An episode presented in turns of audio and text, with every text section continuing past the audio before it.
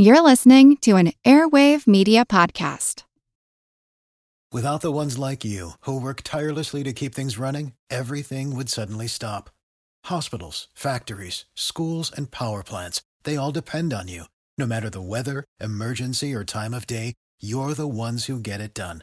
At Grainger, we're here for you with professional grade industrial supplies. Count on real time product availability and fast delivery. Call clickgrainger.com or just stop by. Grainger for the ones who get it done. As a longtime foreign correspondent, I've worked in lots of places, but nowhere as important to the world as China.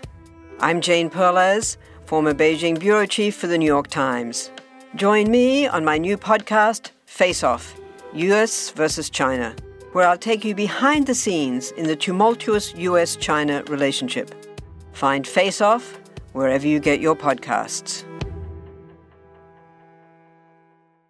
This is Kickass News. I'm Ben Mathis. Folks, do you enjoy listening to Kickass News? Well, then become a part of what I'm doing here and help support the show by going to patreon.com slash kickassnews and making a donation. Your encouragement and support is always appreciated. And now, enjoy the podcast. On January 7th, 2015, two brothers stormed the Paris offices of satiric magazine Charlie Hebdo, killing 11 people and a French police officer in an act of retribution for the magazine's publishing of cartoons depicting the Prophet Muhammad. Amidst the massive manhunt for the killers, an additional five people were murdered in related attacks over the next two days, including a harrowing standoff between police and a third gunman at a kosher grocery store in Paris. A new HBO documentary recounts this three day ordeal that began with an attack by men acting in the name of Al Qaeda and ended with the first ISIS attack in Paris, a chilling precursor of other terrorist acts to come.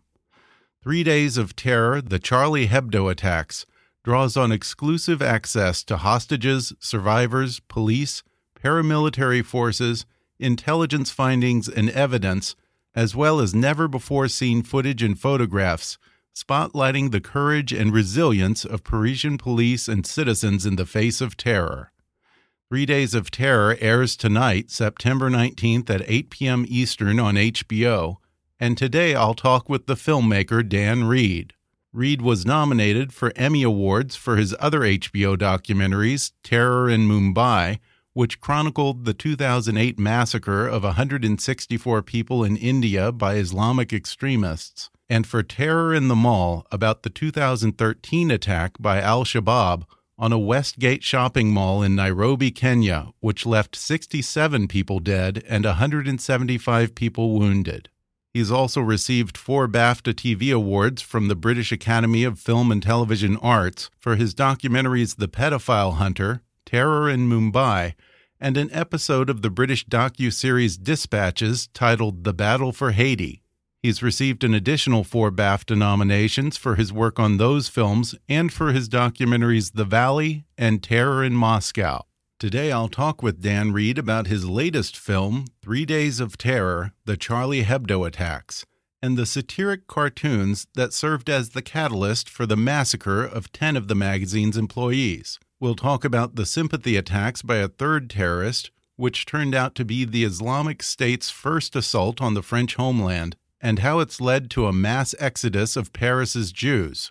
We also discuss simmering tensions between France and its Muslim population both before and after the attacks, as well as the government's controversial ban on hijab and burkinis, and the second wave of deadly Paris attacks that once again caught French authorities off guard just 10 months after Charlie Hebdo.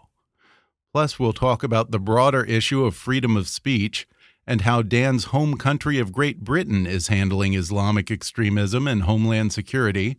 And we'll also get around to his thoughts on the Brexit fallout. Coming up with documentary filmmaker Dan Reed in just a moment.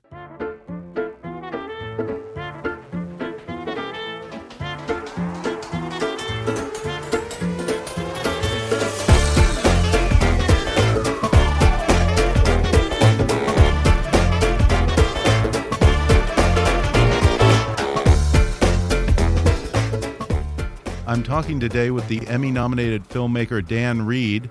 He has a new documentary called Three Days of Terror The Charlie Hebdo Attacks, which airs Monday, September 19th at 8 p.m. Eastern on HBO. Dan, thanks for joining me.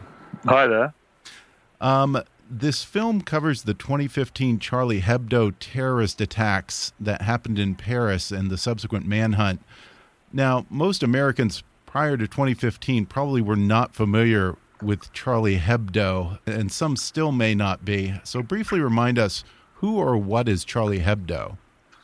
Charlie Hebdo was a very French institution. It was a, a very small uh, and, at the time of the attacks, uh, struggling satirical magazine. So, a combination of text and, and a lot of cartoons.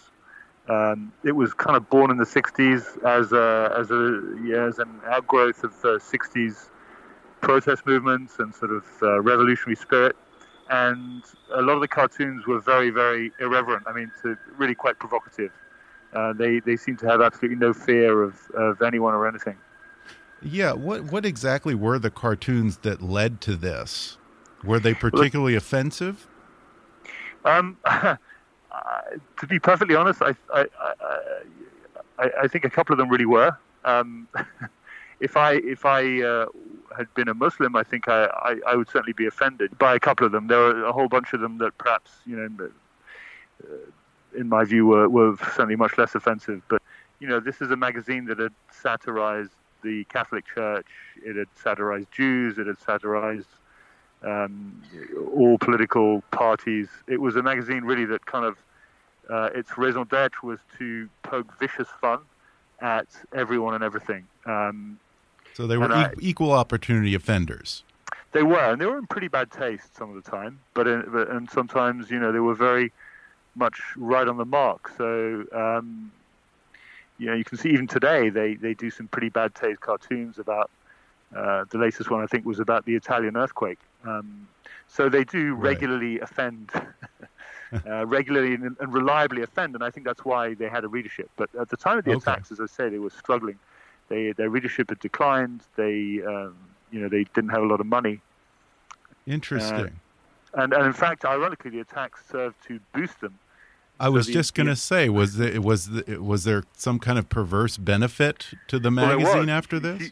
Hugely so. I mean, the attacks uh, created a, a, huge outpouring of sympathy and money, and that money swelled the coffers of Charlie Hebdo, created actually uh, an internal battle between the management and the the employees, but uh, certainly led to a, a, a, real spike in the fortunes of the magazine, uh, which is presumably what Al Qaeda in the Yemen, who had organized the attack, was trying to avoid.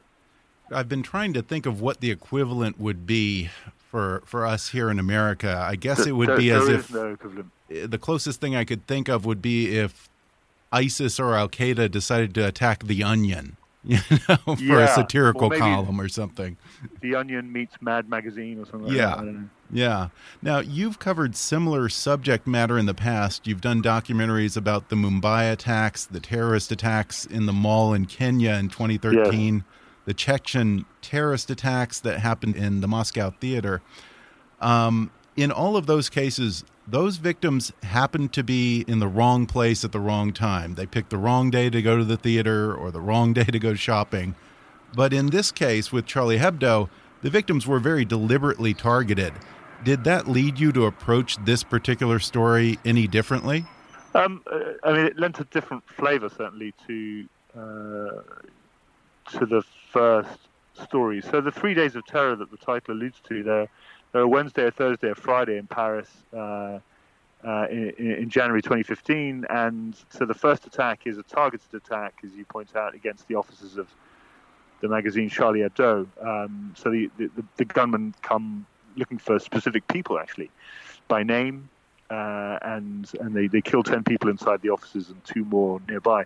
Um, and then two days later, on the Friday, there is this attack on the kosher deli. Right uh, and that is well, it's targeted at Jews, you know, doing their shopping before the Sabbath. So um, you're absolutely right to say that uh, in Mumbai and in Nairobi the attacks were more random. The Charlie Hebdo attack was kind of like an old-fashioned targeted terrorist attack. It targeted people who had drawn the wrath right. of the organization. And uh, I mean, it was almost like a hit because they exactly. were being punished was, for a specific act. It was. It was exactly that. And in that sense, it was kind of old-fashioned terrorism because uh, the kind of terrorism we see with uh, the Islamic State, uh, ISIS or ISIL as you call it um, here in the States, uh, is much less targeted. I mean, certainly Charlie Hebdo would have been a target for ISIL as well. But um, but no, this was kind of an old-fashioned, very targeted attack against people who were kind of bugbears. You know, the the Al Qaeda and the Islamic um, Al Qaeda in the Arabian Peninsula, Al Qaeda in Yemen, which was the organization that sent the Kouachi brothers to kill the Charlie Hebdo journalists. They they had published in their magazine that they wanted to kill these people, so it was no secret. Yeah, and this was not the first time that Charlie Hebdo had been attacked for publishing depictions of Mohammed, right? This had happened before, a couple Correct. years prior, right? Correct. Their offices had been burnt down. They'd received death threats. I mean, they had routine death threats all the time from unknown people. But yeah, they'd had to. Uh, their offices had been destroyed by fire, and they so they'd moved to this new location um, in a fairly anonymous building, in a building belonging to the city of Paris. And they kept a really low profile, so much so that in fact the local police department wasn't aware that they were there, or that you know the officers on the street, the patrol officers, were not aware that Charlie Hebdo was at that location, which had, which had tragic consequences. Yeah, did they have extra security measures in place, given that this had happened before? Well, the only no, they didn't. The, there, there was no extra security on the door. The building hadn't been adapted or modified in any way to provide greater security. Um, um, who were the perpetrators? So, as you say, there were two gunmen, and they were French born young men in their 30s of Algerian descent. They were orphans, so they'd, they'd lost their uh, mother and father and had grown up in, a, in institutional care, I think. Um, okay. and, and there are all sorts of rumors about their, their mother. I didn't look into this in any detail, but their mother being, you know, they were at some point in, in charge, sole charge of their mother after their father left, and um, there were rumors that she she'd resorted to prostitution, and um, uh, these so these kids came from a troubled background. These young yeah. men, and, and, they were French citizens. They, they were, were not citizens. immigrants. They were okay. homegrown, if you like. Um, okay. One of them was uh, implicated in a, a, terrorist conspiracy. You know, he's on the fringes of it, and he went to jail, and that's where he met Coulibaly, who's the perpetrator of the second attack, the one against the kosher deli and so these so that if you like the two teams kind of knew each other had had prior acquaintance although they weren't working together and the um, uh, just going back to the Charlie Hebdo attackers so there were two brothers uh, one the, the older one and uh, was kind of more serious and restrained and did less shooting and then the younger one was pretty enthusiastic and he was the one who went into the uh, Charlie Hebdo conference room and gunned everyone down and they claimed that they were affiliated with Al Qaeda in Yemen. Um, was there a direct affiliation with Al Qaeda, or was it more the case that they were sympathizers or inspired by Al Qaeda? No, there was a direct affiliation. They were they uh, one of them had made a trip to Yemen, and uh, and and you know they were at pains to state that the the terrorist hit had been financed by Anwar al-Awlaki, who's an American actually, who interestingly. Um, in the immediate aftermath of 9/11 was seen as a very by the U.S. government as a very loyal Muslim, and he he he was sort of seen to be on the side of the the good guys and the angels, and he was trotted out here now and again as, as an example of of you know a, a, a Muslim that was acceptable to politically acceptable to the U.S. government, and then he he had this huge change of heart. Um, and ended up in Yemen and ended up uh, coordinating a lot of these very uh, I don't want to say successful, but very lethal plots, including the Charlie Hebdo killing. So the direct contact between Al Qaeda in the Yemen and the and one of the Kouachi brothers occurred, I think, in 2006. Uh, really, a, you know, a good many years before the attack. Now, after they attacked the offices, they fled Paris, and they they could have stayed on the run for a while. It didn't sound like the authorities were very close to catching up with them. But at one point, they decided to walk into a print shop in the town of Dammartin and they told the owner to call the police and essentially said, Here we are, come and get us. Exactly. There was no rush for them to become martyrs. They probably could have fled and maybe even have, have escaped the country. Why did they choose to provoke a showdown at that point? Well, the whole point, uh, the, the, the kind of philosophy of these attacks is to go in and you kill your targets or you cause as much mayhem as you can, and then the expectation is that you will die at the hands of the enemy. So you right. you kind of die kind of in combat, if you like. Um, and this is a pattern in all of the terrorist attacks that I've made documentaries about for HBO, uh, four of them now. So um, so these are not suicide bombers. They're not going to blow themselves up. They're a kind of suicide infantry in the sense that they, they go out in the expectation of dying in a hail of bullets at the end of the operation. Um, and in fact, that death is a is a condition. In, in, Mumbai, there was this famous line of, you know, your mission is not successful until you you die. Um, and um, and so the Kouachi brothers expected to die. I think they probably expected to die a lot sooner than they, they actually did. I think they might have expected a strong police response immediately after the Charlie Hebdo massacre. Instead, they ended up wandering around the countryside and spending nights in, in, in a forest outside Paris. And I think, and you know, they raided a petrol station, sorry, a gas station to, to get some snacks. And I think they just right. probably just, you know, thought, well, that's enough. You know, the time, we let, us get this over with. The time to die is now. And so they hold up in this printworks. Uh, you know, they didn't, they didn't take any hostages. They didn't kill the the boss who was there or the uh, there was a young man who was hiding who they never discovered. But so they, they their aim wasn't to just kill as many people as possible. Uh, I'm talking about the Kouachi brothers. They they wanted to kill specific people. Yeah. And once they'd done that, they just wanted to die in combat against the police, which um, you know they achieved pretty easily. Once once the, the French worked out where they were, they sent a lot of elite troops there, and um, I think it took about 90 seconds once the brothers had emerged from the print works out into the open. They were they were dead pretty soon it's strange because uh, this is a, story that begins sort of with the media and it ends with the media because the, I guess the police in both cases were trying to get a hold of the perpetrators and the media beat them to it. When the Kouachi brothers spoke to the media over the phone, they kept saying they're not bloodthirsty. They said, uh, we don't kill civilians did they view these journalists and these cartoonists as legitimate targets in the larger cultural war? Undoubtedly, uh, they didn't consider the, the cartoonists to be to be civilians. They didn't consider them to be, uh, you know, worthy of uh, pr protection or being accorded the title of civilian. They also said, you know, we don't kill women, and that's not true. They killed a woman in, inside the Charlie Hebdo office. So right. um, there's sort of selective uh, truth telling there. But um, yeah, certainly they gave the impression that, uh, that they they weren't slaughtering people at random. Uh, um, you know, unlike the November attacks uh, that happened uh, in Paris in the same year, which was a random slaughter. These these two brothers were uh, they were out to kill specific people, and once they'd done that, they were happy to go to their death. So, um, in a sense, what he's saying is true. Uh, they didn't kill the petrol station attendant, the gas station attendant. Sorry, they didn't kill the Printworks uh, owner whom they came across. They could have easily have killed.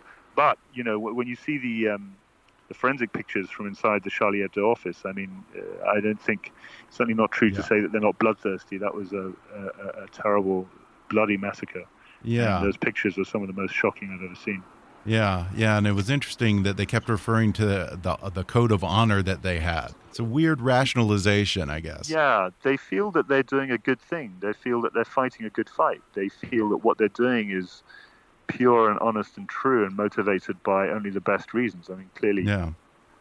From our point of view, it's the exact opposite. But uh, they do feel that, so that, that's that's the ideology they're locked into.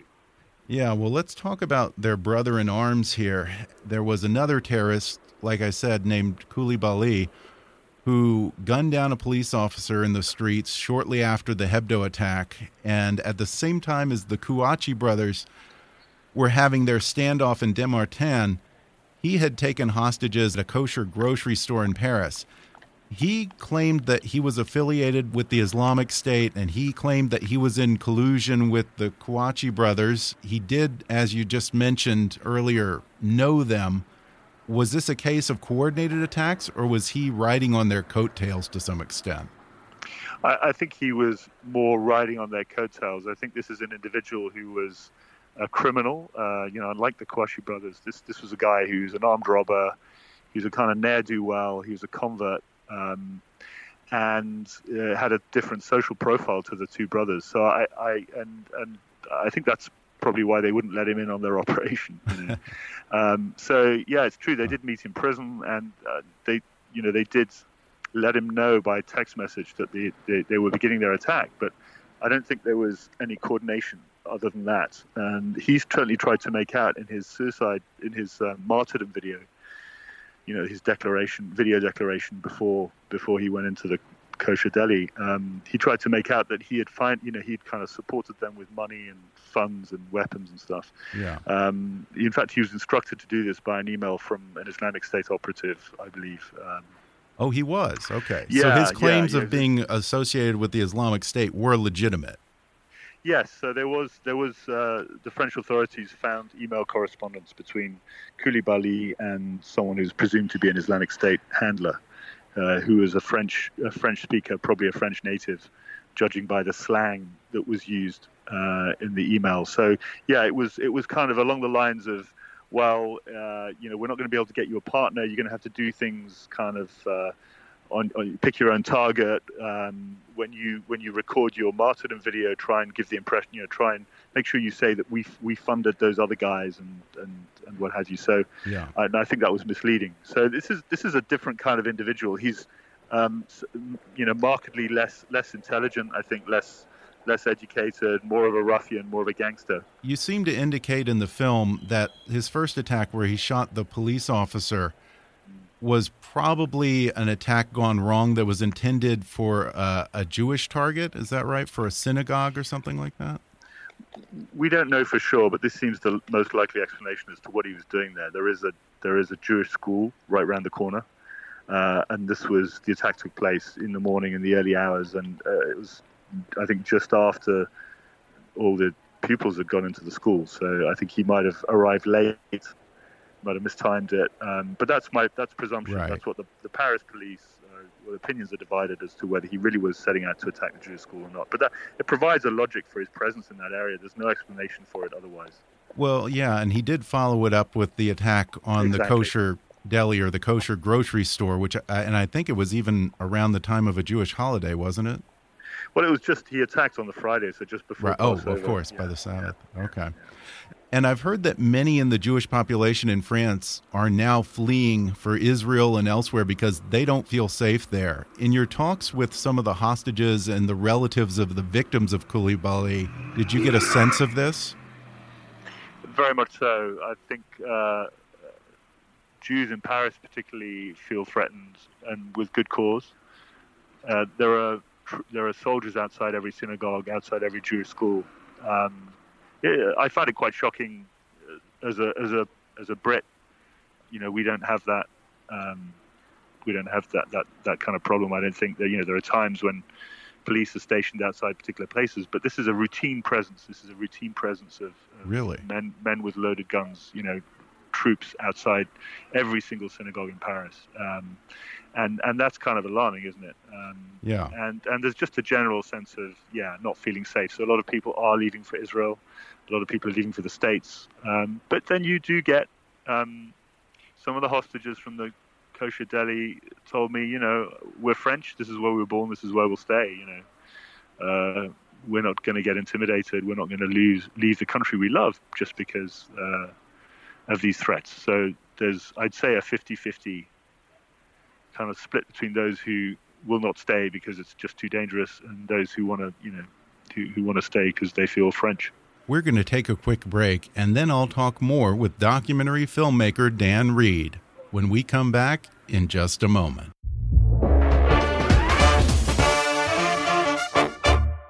Hey, folks, do you like reading but find it's getting harder and harder to make time to curl up with a good book? Well, there's a solution. Give audiobooks a try. They're perfect for your commute to work or working out at the gym, a relaxing bath, or any time, really. And right now, you can take an audiobook for a spin with a special promotion just for our listeners from audible.com. Just go to audibletrial.com slash kickassnews to get a free 30-day trial and download any of Audible's 180,000 titles entirely for free. That's audibletrial.com slash kickassnews or click on the sponsor link on our webpage to download the free audiobook of your choice. And now, back to the show. You were already filming this documentary and interviewing people involved around the time of the November 2015 Paris attacks. At that time, did the authorities and law enforcement indicate to you that they felt confident that they had improved and had control of the security situation in France? I think they would have liked to have felt that way. I, I don't think, uh, honestly, that they could claim to have taken control of the situation, and clearly events proved that. Um, I was recording one of the very last interviews in the film in our studio, which, which is actually just uh, down the street from one of the attack sites uh, later that day, where 19 people were killed. Uh, literally on the corner of our street where we where we uh, had our studio, um, and I was recording an interview with the chief medic of the Paris Fire Department, and is a very brave man. He was one of the first into the Charlie Hebdo office, um, and uh, and you know he was very emotional. He said that you know the terrorists are willing to die for their ideas, but we Frenchmen too, we will die for what we believe in and um, and gave a real kind of you know rousing kind of rebuttal to the terrorist uh, ideology. But um, you know he walked out of there, and then uh, I think four or five hours later he was at the Bataclan trying to save some of the uh, hundreds of people who were injured there, and you know 90 people died that night yeah. just at the Batac- just at the Bataclan, and another another yeah. 40 elsewhere in Paris. You know, and what's amazing to me is going back to the 70s, this has been going on. You know, this consistent stream of attacks by radical Islamists in France, mm. and every time people post memes or they hold candlelight vigils. Yes. But then it seems a few months or maybe a year later, it happens all over again. Do you think mm. the French government is finally taking this seriously? I think they're taking it very seriously. I think that they're hampered by the polarization of French society and the alienation of uh, a lot of young Muslims.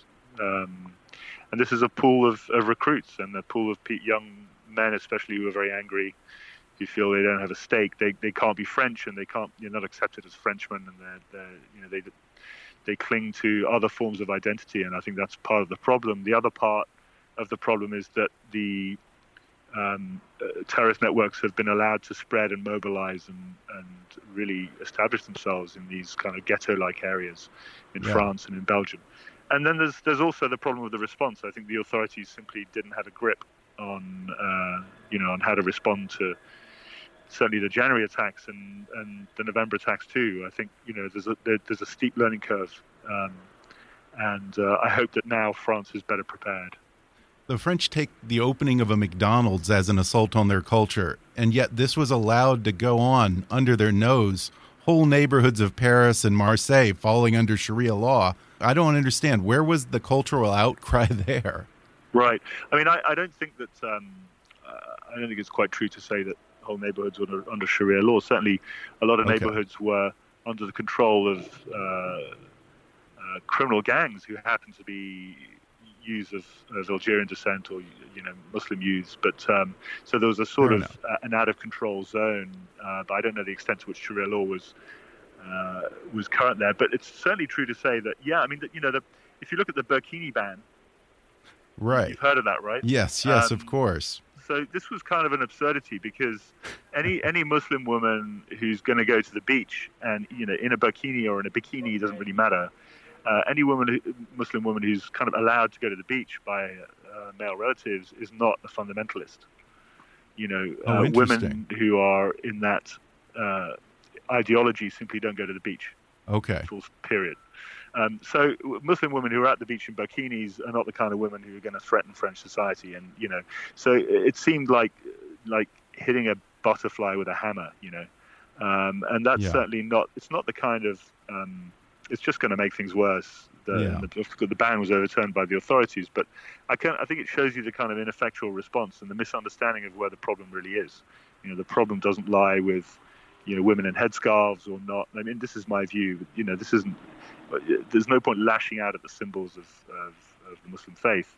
You need to tackle people who want to do harm. You need to tackle the terrorists. You need to right. tackle people who are making plans to blow people up and kill innocent people. And the French state has not been particularly effective, and I think they would agree with that. Not been particularly effective up to now. They have uh, found uh, unearthed a few plots, but uh, I think they've got a lot of work to do. Yeah, because I was going to ask you, you know, they are fighting this cultural war against Islam, but are they putting enough effort into stopping terrorism? mm.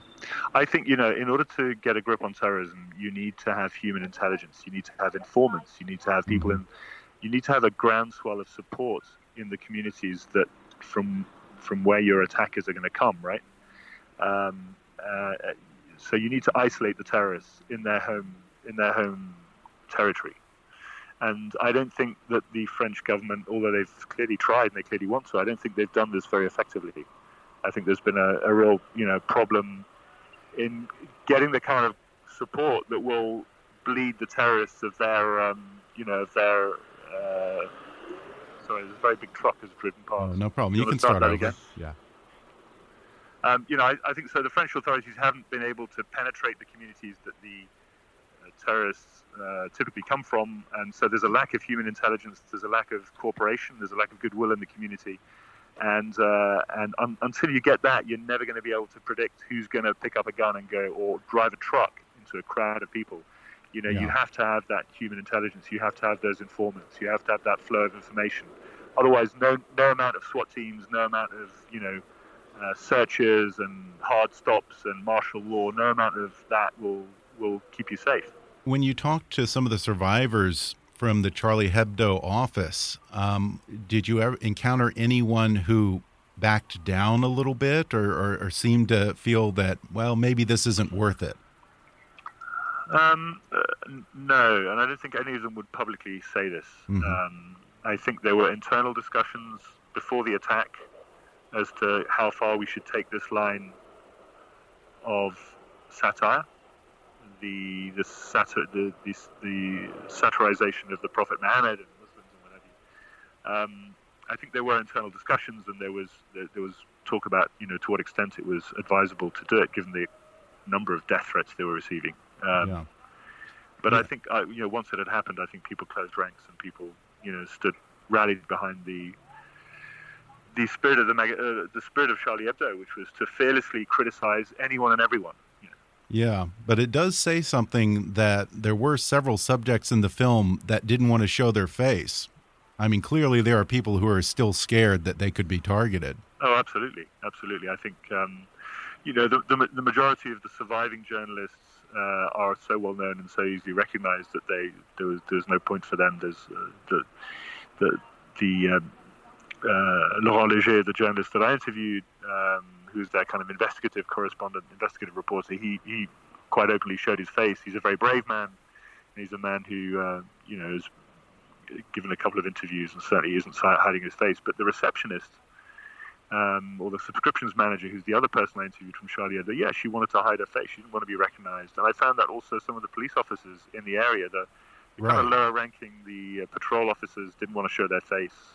Um, the gendarme who'd been part of the team that, that actually put a bullet in one of the terrorists at the Printworks, she didn't want to show her face, and that really struck me because um, because in, in the United States and uh, certainly in probably in, in, England as well, that that police officer would have been a hero, right? And she would have come out yeah. and shown her face and gone, "We did a great thing," and, and got credit for it. Whereas in France, she is afraid to show her face because she's afraid of retaliation from the yeah. local Muslim youth. Yeah, understandably so. You know, here in America, we take freedom of speech very, very seriously.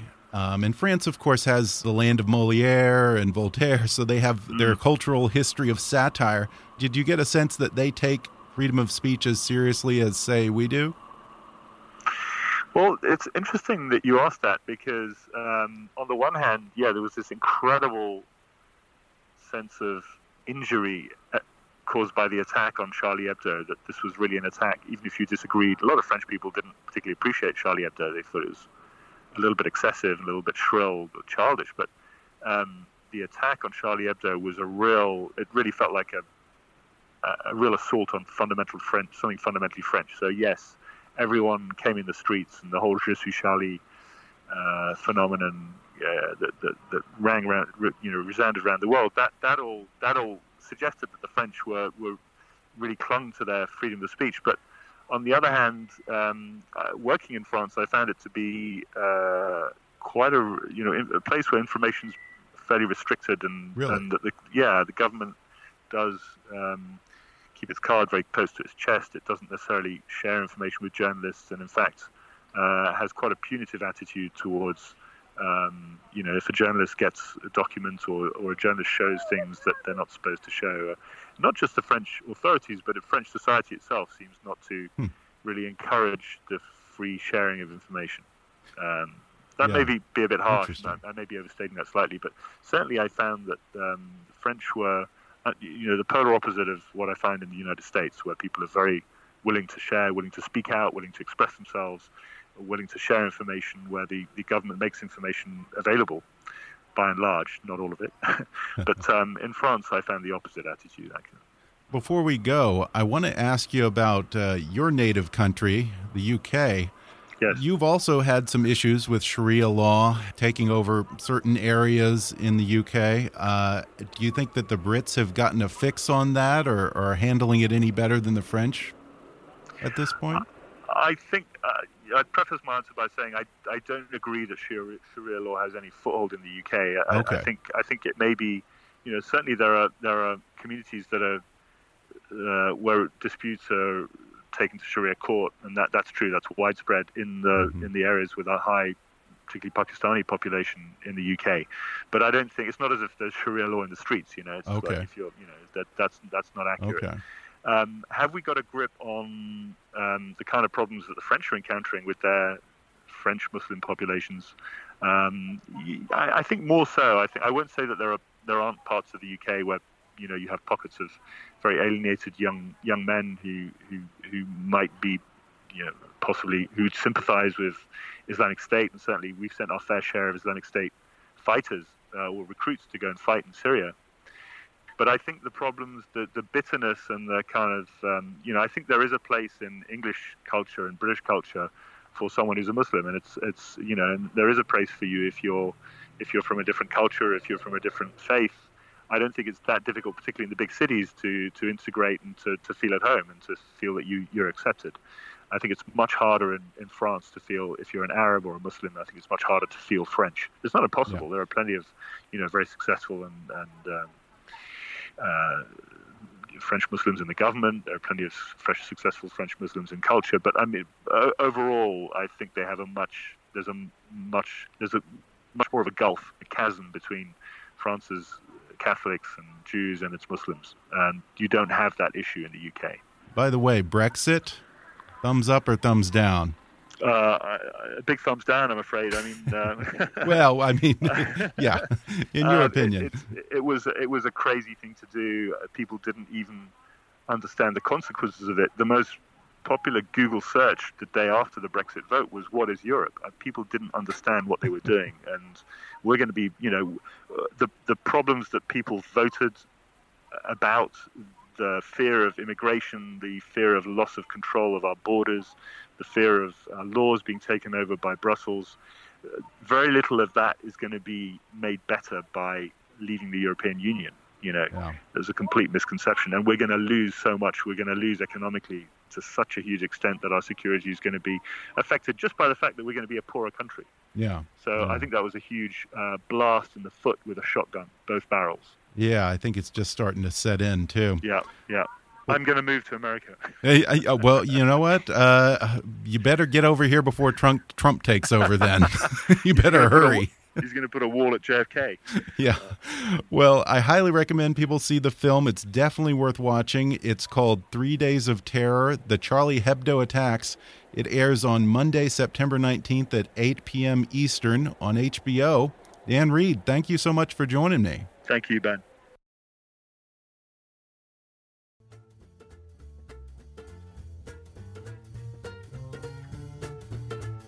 Thanks again to Dan Reed for coming on the show. Three Days of Terror, The Charlie Hebdo Attacks, airs tonight, Monday, September 19th at 8 p.m. Eastern on HBO.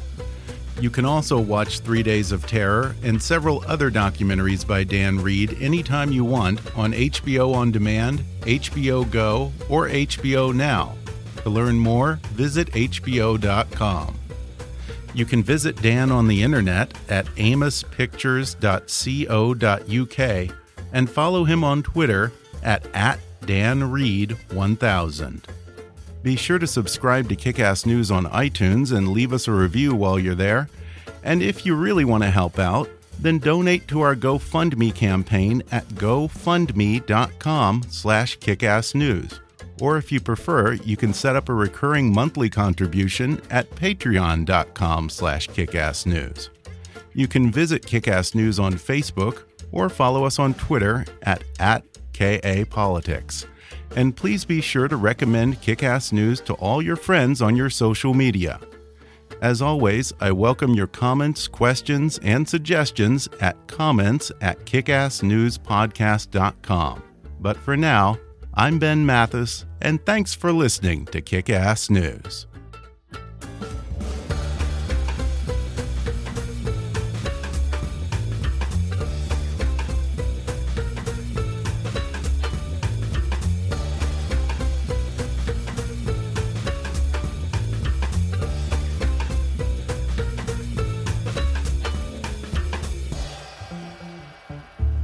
Kickass News is a trademark of Mathis Entertainment, Inc.